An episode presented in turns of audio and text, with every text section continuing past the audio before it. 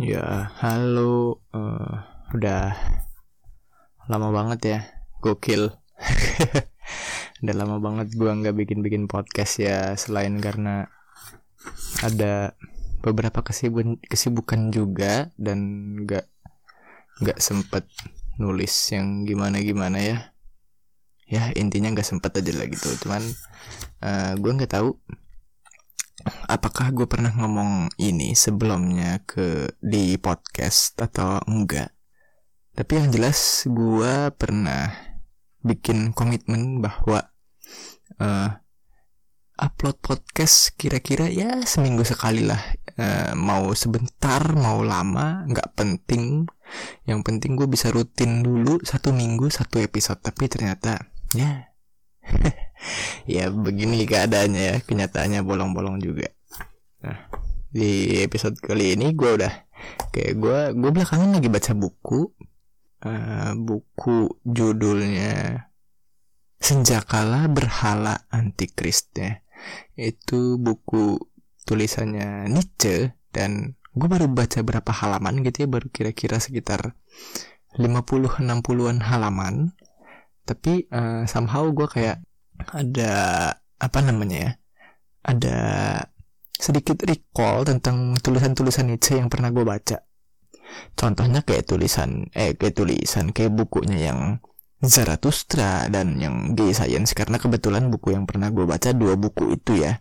Jadi yang senjakala berhala ini adalah buku Nietzsche tulisannya yang ketiga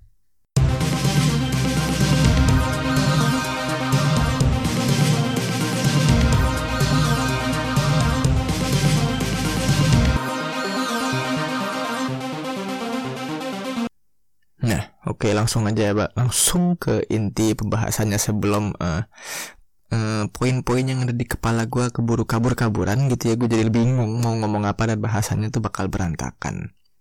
Uh, ya, jadi uh, salah satu poin penting dalam buku-bukunya Nietzsche ya, dalam gaya pemikiran Nietzsche itu adalah tentang Ubermensch. Jadi Ubermensch itu apa? Ubermensch itu adalah uh, seorang manusia super ya itu dari bahasa Jerman. Uber itu artinya supermensch itu ya man, superman gitu. Uh, Ubermensch adalah manusia super yang hidup uh, tanpa memiliki pegangan atau mungkin atau mungkin tepatnya memiliki pegangan tapi dia bermain dengan berbagai macam pegangan itu karena dia tahu bahwa tidak ada pegangan yang benar-benar tepat gitu ya yang merupakan objektif truth yang benar-benar benar. Nah, jadi dia tahu bahwa dunia ini tidak memiliki nilai sama sekali. Dunia ini tidak memiliki makna dan segala pengetahuan yang ada pada manusia adalah sekedar ilusi-ilusi belaka. Nah, tapi karena manusia hidup di dalam dunia yang penuh dengan ilusi, ya bukan berarti manusia harus meninggalkan ilusi-ilusi tersebut tapi dihadapi dengan berani. Ya, salah satu caranya ya dengan bermain menari ya. Nietzsche sering menggambarkan uh, tentang dewa Dionysos mungkin ya kalau gua nggak salah ya. Atau mungkin pokoknya intinya salah satunya tuh uh, Nietzsche sering menggambarkan kita untuk menari di pinggir jurang Nah itu Ubermensch adalah orang yang hmm, tahu bahwa dia harus menari dengan berani gitu ya dengan kaki yang lincah. Nah, sorry ya kalau bahasanya agak berantakan ya soalnya gue juga berusaha merecall ingatan-ingatan masa lalu. Hmm, jadi kalau boleh dibilang pegangan ini apa? Pegangan ini adalah perspektif. Nietzsche mengajarkan uh, uh, salah mengajarkan. Iya ya mengajarkan ya. Nietzsche mengajarkan uh, bahwa yang bagus itu adalah perspektivisme. Perspektivisme itu apa? Perspektivisme adalah melihat dari banyak sudut pandang ya tentang suatu objek gitu ya tentang sesuatu. Kita melihat sesuatu nih dari berbagai macam sudut pandang. Dan kita tahu bahwa perspektif tersebut hanyalah sekedar perspektif. perspektivisme hanyalah sekedar perspektivisme. Dia bersifat dangkal, tipis, dan relatif. Bahwa tidak ada perspektif yang paling benar. Kalau yang gue tangkep, jadi uh, kita di sini bermain dengan perspektif. Kita memanipulasi perspektif. Uh, jadi uh, perspektif mana yang yang apa ya? Yang membantu kita, yang paling membantu kita. Jadi di sini kita harus pandai memanipulasi perspektif. Dari yang gue tangkep ya. Jadi kalau misalnya eh, nanti gue jelasin deh di belakang deh. Biar satu-satu ya pelan-pelan. Konsep Ubermensch ini balik lagi ya.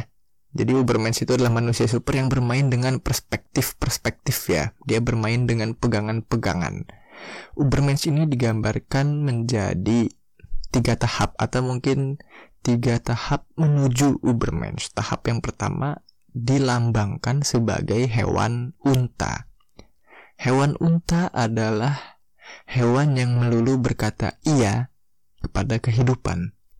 Jadi realita nih kehidupan memberikan apa pun, menawarkan apa pun, menyodorkannya tepatnya ya. Ketika realita menyodorkan A, si unta akan berkata iya. Ketika realita menyodorkan B, si unta juga akan berkata iya. Gitu. Pokoknya realita menyodorkan apa pun terhadap si unta, si unta akan terus manut aja gitu. Nah sampai akhirnya ketiba di masa di momen di mana si unta sudah mulai merasa muak terhadap realita atau mungkin dia ada titik baliknya lah di mana dia nggak bisa nih gue nih begini terus si unta itu dia akan berubah wujud menjadi fase yang kedua fase yang kedua digambarkan sebagai seekor singa Singa adalah binatang yang kebalikannya dari si unta. Kalau si unta itu adalah binatang yang manut-manut aja, nah si singa ini menidak terus terhadap apa pun yang disodorkan oleh realita. Realita menyodorkan A, singa bilang tidak. Realita menyodorkan B, singa juga tetap bilang tidak. Oh, pokoknya realita menyodorkan apa pun, si singa menolak. Tapi lama kelamaan si singa juga menyadari gitu. Gue melulu berontak gue melulu menidak tapi tidak ada apa pun yang gue hasilkan.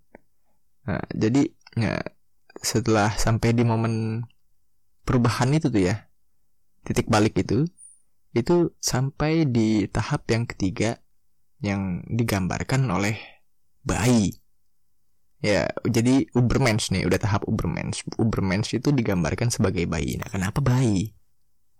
Nih agak menarik. Kenapa bayi? Bayi itu menerima apa pun yang disodorkan realita. Terlepas dari itu dia baik atau buruk dia tidak memoralkan apa pun yang realita berikan. Tapi si bayi akan bermain dengan apa pun yang disodorkan oleh realita ya jadi mirip-mirip kayak onta gitu ya. Onta itu kan iya iya iya. Si bayi juga berkata iya gitu. Dia menerima terhadap realita. Tapi dia bermain-main dengan apa pun yang disodorkan realita ini. Sama jadi kayak sama kayak perspektivisme gitu ya. Ini dunia ini terdiri dari berbagai macam perspektif. Ketika kita dihadapkan dengan sesuatu ada berbagai macam perspektif dan si Ubermensch ini bermain-main dengan perspektif yang ada ini Nah si bayi juga demikian. Ketika si bayi disodorkan botol, dia lak, ya dia terima. Dia akan lakukan apa pun yang dia suka terhadap si botol. Dia mau kenyot itu botol, dia kenyot. Dia pengen kremes-kremes itu botolnya dikremes-kremes. Dia pengen banting-banting, ya dia banting. Dia pengen lempar, ya dia lempar gitu. Si bayi dikasih Lego, ya dia main-mainin gitu. Dia mau bentuk jadi mobil jadi motor atau nggak jadi apa-apa gitu kan. Cuma diampar-ampar doang. Begitu dia dikasih pasir gitu dia akan bentuk pasir itu menjadi rumah atau sekedar menjadi bola gitu atau cuma ditulis tulis gitu kan. Misalnya Budi Love Ratna gitu kan. Biasa tuh kan kalau anak-anak di pantai gitu nulis namanya terus Lope terus nama pacarnya gitu kan ya intinya si bayi dia menerima apa pun yang disodorkan realita tanpa memoralkan. Dan dia bermain-main dengan realita tersebut. Ini juga berkaitan dengan uh, salah satu poin Nietzsche di mana dia menyarankan atau kalau misalnya nggak mau disebut menyarankan dia suka dengan gaya seniman gitu ya. Tetapi seniman yang tidak pernah puas.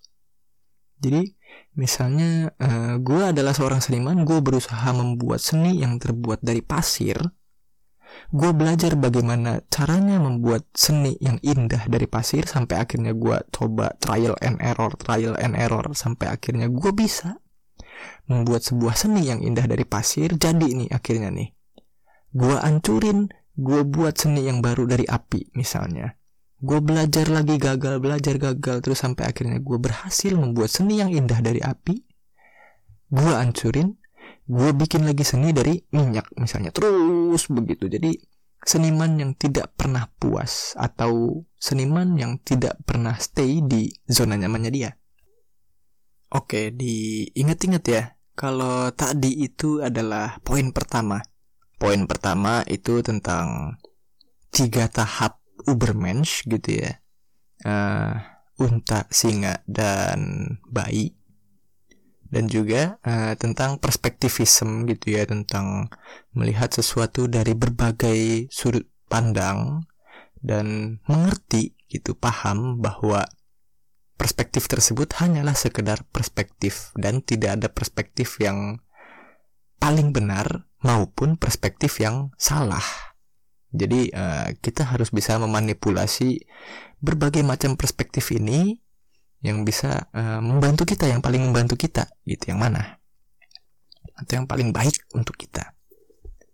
Terus di poin kedua itu uh, eh, gue recall dari buku Gay Science, buku Gay Science gitu ya. Jadi uh, di bagian pembukaan uh, Nietzsche itu dia bilang bahwa kalau misalnya dia bukunya dia gitu. Kalau misalnya tulisan-tulisannya Nietzsche itu tidak dimengerti ya paling sedihnya nggak seberapa lah gitu maksudnya. Dia dia justru lebih pengen untuk bukan lebih pengen ya salah salah sorry gua ralat gua ralat.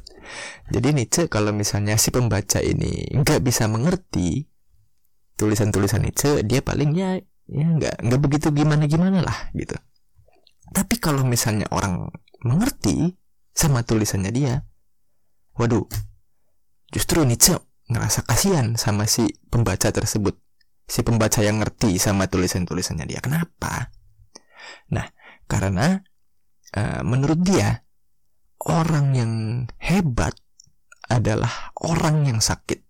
Dan Nietzsche berpikir bahwa dirinya lahir gitu ya terlalu cepat ber apa dia lahir mendahului zamannya.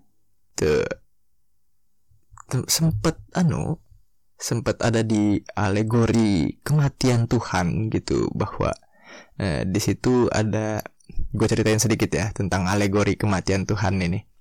Jadi di situ ada madman yang di tengah-tengah pasar gitu tengah hari bolong siang-siang itu dia bawa-bawa lentera sambil teriak-teriak aku mencari Tuhan aku mencari Tuhan gitu. Dia bawa lentera gitu ya. Lentera itu kayak apa ya? Penerang lah intinya kayak obor gitu mungkin ya. Penerang di tengah hari bolong di tengah pasar dia teriak-teriak aku mencari Tuhan aku mencari Tuhan gitu. Terus orang-orang pada ngetawain dia gitu kan malah ngeledekin dia loh emangnya Tuhan ada di mana? Tuhan kesasar Tuhan ketinggalan. Loh, pokoknya terus uh, orang-orang nggak menanggapi si Madman ini secara serius. Si Madman ini terus dia bilang eh dia ngebanting lenteranya sambil bilang aku terlalu cepat. Bahkan petir saja membutuhkan waktu untuk sampai di telinga manusia. Ya kayak begitu. Jadi Nietzsche uh, bilang bahwa dia lahir terlalu cepat atau secara implisit dia bilang kalau dia keduluan lahirnya kecepatan orang-orang nggak paham sama dia. Dia mengabarkan sesuatu yang jauh di depan sana di masa depan. Tadi lagi ngomongin oh Nietzsche nggak pengen dimengerti suka, suka tersesat gue kadang-kadang.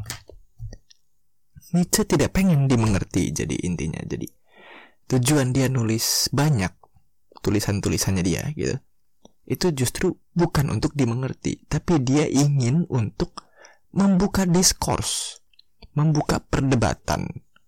Dia ingin ada perbincangan yang dimulai dari diagnosis diagnosisnya Nietzsche. Kenapa dia tidak ingin dimengerti atau bukan tidak ingin dimengerti ya, dia tidak ingin mudah dipahami. Kenapa? Karena itu tadi gitu kan, karena dia kalau misalnya ada orang ngerti gitu, dia bakal ngerasa kasihan gitu kan sama pembacanya yang mengerti. Karena untuk menjadi orang hebat kayak yang tadi gue bilang gitu ya. Ya, orang yang hebat adalah orang yang sakit dan Nietzsche adalah orang yang hebat. Kenapa? Because dia menderita sebegitu hebatnya.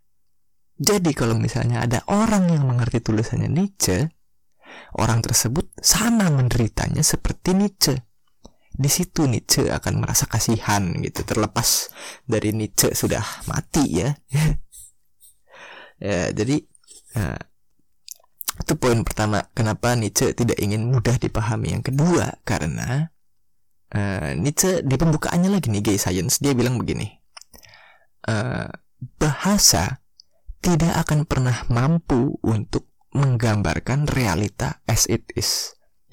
Bahasa tidak akan pernah mampu untuk menggambarkan rasa sakit atau gejolak pikiran atau isi kepala Nietzsche as it is. Contohnya kayak coba jelaskan uh, bau min itu kayak gimana. Lu bisa menjelaskan panjang lebar sedetail mungkin sampai ke atom-atomnya, tapi gue tetap nggak akan tahu gimana bau min tersebut yang lu gambarkan karena gue nggak pernah mencium bau min itu seperti apa. Seberapa panjang penjabaran lu tentang bau min hanya bau min lah yang bisa menggambarkan dirinya as it is yang oh begini ternyata bau min. Yeah. itu bahasa tidak akan pernah bisa menggambarkan realita as it is. Tetapi bahasa adalah satu-satunya sarana yang manusia punya. Bahasa adalah satu-satunya tool yang kita punya untuk menggambarkan apa pun yang kita rasakan untuk menggambarkan realita. Jadi dengan dua premis tersebut ya, bahasa adalah satu-satunya sarana. Itu premis satu. Premis kedua, bahasa tidak mampu menggambarkan realita as it is. Jadi yang Nietzsche lakukan adalah bermain dengan kata-kata. Nah, bermain dengan kata-kata ini juga salah satu cara Nietzsche untuk menyaring para pembacanya ya. Jadi dia uh, dia pernah bilang bahwa untuk mencerna tulisan-tulisanku kamu harus mempunyai perut seperti sapi. Jadi sapi itu kalau nggak salah ya sapi itu kalau nggak salah dia punya empat perut gitu ya. Kalau nggak salah gitu ya. Tapi yang jelas cara sapi mencerna makanan itu uh, dia makan rumput dikunyah ditelan masuk ke dalam perut, dimuntahin lagi, dikunyah, ditelan lagi, dimuntahin, dikunyah, ditelan lagi begitu terus sampai makanannya itu benar-benar halus. Nah, untuk mencerna tulisan-tulisannya Nietzsche, kita diharapkan untuk mempunyai perut seperti sapi, sekuat sapi. Nietzsche cukup pilih-pilih ya dalam uh, memilih siapa yang hmm, cocok untuk membaca tulisan-tulisannya dia. Tuh. Jadi uh, Nietzsche tidak ingin mudah untuk dipahami gitu ya karena justru dia kasihan sama orang yang mengerti dia. Dan maka yang dilakukan Nietzsche adalah bermain dengan bahasa. Oke, kita balik lagi recall lagi jadi poin kedua tadi udah selesai. Di poin pertama itu ada three stages of Ubermensch gitu ya. Ada perspektivism gitu, ada seniman yang tidak pernah stay di zona nyamannya dia, di comfort zone-nya dia. Terus di poin kedua itu dari bukunya yang Gay Science itu ada bahwa bahasa itu nggak bisa menggambarkan realita as it is. Nietzsche bermain dengan bahasa karena hal tadi gitu ya. Nietzsche tidak ingin mudah dipahami Tujuan Nietzsche menulis itu bukan untuk dimengerti, dipahami, tetapi untuk membuka diskurs. Terus kita masuk di poin di mana gue mendapat apa ya sesuatu eureka momen mungkin kalau bisa dibilang ya dari buku yang gue baca sekarang itu buku Senjakala Berhala Antikris. Jadi di yang gue baca di wait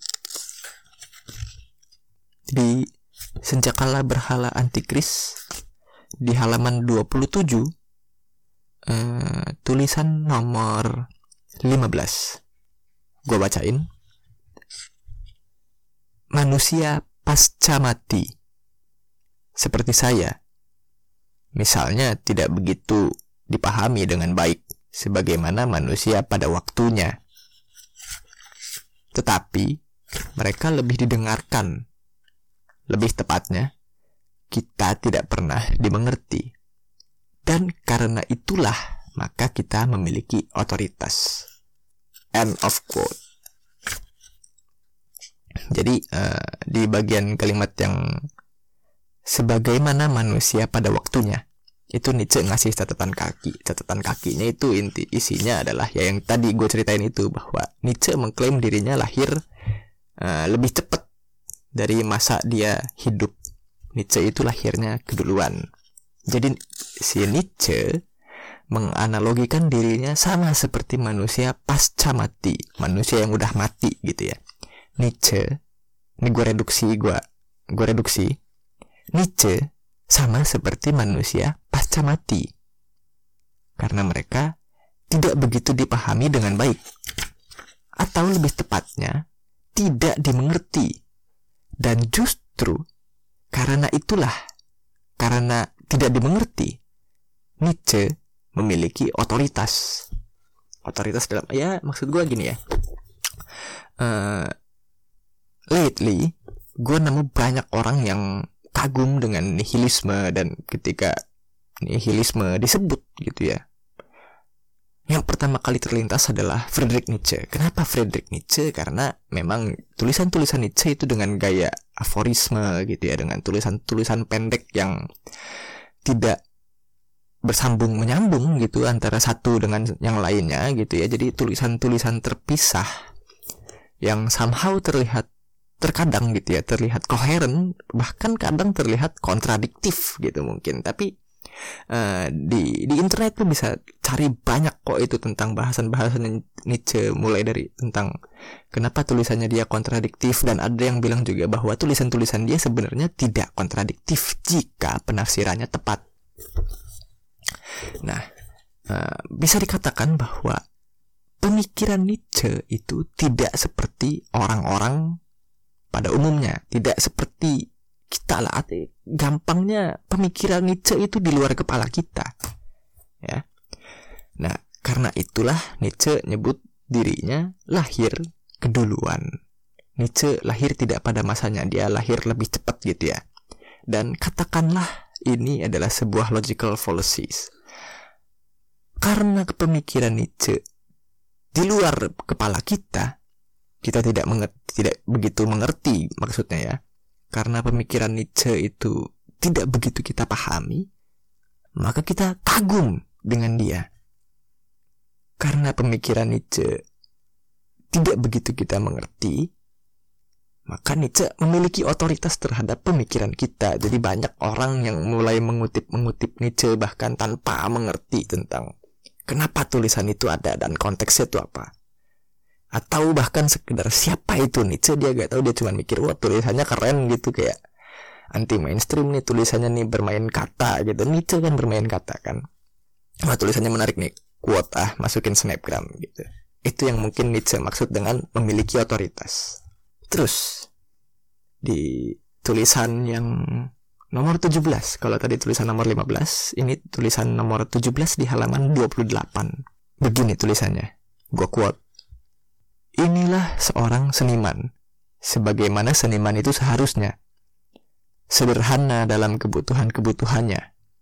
Hanya ada dua hal yang benar-benar dia ingini, rotinya dan seninya. Panem e sirken. End of quote panem esirken itu jadi tulisan Latin gitu ya dikasih ini dikasih apa footnote gitu catatan kaki yang catatan kakinya tuh isinya uh, kalimat seaslinya bukan panem e sirken tetapi panem e circenses itu lo bisa cari sendiri gitu ya. Jadi panem e circenses artinya adalah rotinya dan sirkusnya. Rotinya dan sirkusnya. Tapi di sini Nietzsche malah nulis panem e circen yang artinya adalah rotinya dan seninya bukan rotinya dan sirkusnya. Kenapa Nietzsche nulis demikian? Karena Nietzsche uh, memilih dengan bermain dengan kata-kata gitu kan. Jadi karena ada kemiripan bahasa gitu kemiripan kata circenses circen dan kebetulan dua kata tersebut memiliki arti yang berbeda ya jadi Nietzsche memilih bermain di kata circenses circen itu tadi. Coba kita recall uh, tulisannya Nietzsche di poin kedua tadi. Nietzsche ingin bermain dengan kata-kata. Karena Nietzsche tidak ingin mudah dipahami. Dan uh, Nietzsche sebagai seorang seniman gitu tadi kan di poin pertama gitu ya dia gue ngomongin soal seniman gitu ya. Seniman dia menggambarkan seniman itu sebagai Ubermensch gitu bah. Seniman yang dengan syarat adalah yang berusaha membuat seni ketika sudah berhasil dia hancurkan dan bikin seni yang baru lagi belajar lagi dari nol lagi. Jadi uh, Nietzsche eh Nietzsche seniman itu tidak pernah puas gitu ya dengan hasil karyanya. Dia udah jadi bagus dihancurin lagi bikin belajar lagi bikin berhasil hancurin lagi begitu terus. Nah dengan panem esirken tadi somehow gue jadi bertanya-tanya apakah mungkin Nietzsche bermain dengan kata-kata tersebut. Emang sebetulnya dia pengen bermain dengan kata-kata aja. Enggak ada makna yang sesungguhnya dia maksudkan di dalam tulisan itu tadi. Bagaimana kalau misalnya kayak begitu? Karena Nietzsche di yang tulisan pasca kematian itu tadi pasca mati ya manusia pasca mati. Dia tidak mengerti. Eh dia tidak mengerti. Jing bukan bukan bukan begitu. Salah salah. Bagaimana jika uh, Nietzsche bermain dengan kata-kata gitu ya, yang tadi gitu ya gua ambil contohnya ya yang panem esirken. Itu dia emang sekedar bermain kata-kata aja. Dalam konteks dia berusaha untuk menjadi ubermensch dia berusaha menjadi seniman yang sedang membuat karya seni dengan kata-kata, dengan permainan kata. Karya seni yang kayak bagaimana? Karya seni yang membuat orang-orang uh, kagum dengan dia. Membuat karya seni yang itu tadi kan yang manusia pasca mati itu ya. Sama seperti Nietzsche, tepatnya tidak dimengerti. Karena tidak dimengerti, terjadilah logical fallacy pada kita, kita jadi mengagumi dia. Karena kita mengagumi dia, yang mungkin bisa aja tulisan panem esirken itu tidak memiliki arti atau tujuan apa pun. Karena terjadi logical fallacy itu tadi, kita terlalu mengagumkan dia, kita terlalu ngefans sama dia, maka Nietzsche memiliki otoritas pada diri kita. Kita jadi melebih-lebihkan tulisan-tulisannya Nietzsche. Bagaimana jika dari ratusan atau bahkan mungkin ribuan tulisan Nietzsche, beberapa di antaranya sebetulnya sekedar permainan kata tanpa ada arti apa-apa. Tetapi kita telah menimbulkan interpretasi yang berlebihan hanya karena kita sebegitu ngefansnya terhadap Nietzsche. Bisa aja kan Nietzsche waktu masih sehat gitu ya, waktu sebelum gila gitu jatuh kepada kegilaan, Nietzsche ngomong gitu sama sahabatnya gitu sama konconya. Ya sebetulnya mah tulisan gue yang ini gue sekedar mainan kata-kata aja nggak ada artinya apa-apa gitu. Atau misalnya temennya nanya gitu ini tulisan lu yang ini artinya apa sih? Gitu. Enggak enggak ada itu mah gue ngasal doang main-main doang gitu. lagi eksperimen dengan kata-kata. Ya bisa aja kayak begitu. Bisa aja Nietzsche bereksperimen bermain dengan kata-kata dalam rangka menjadi Ubermensch menjadi seorang seniman yang menciptakan seni dari kata-kata.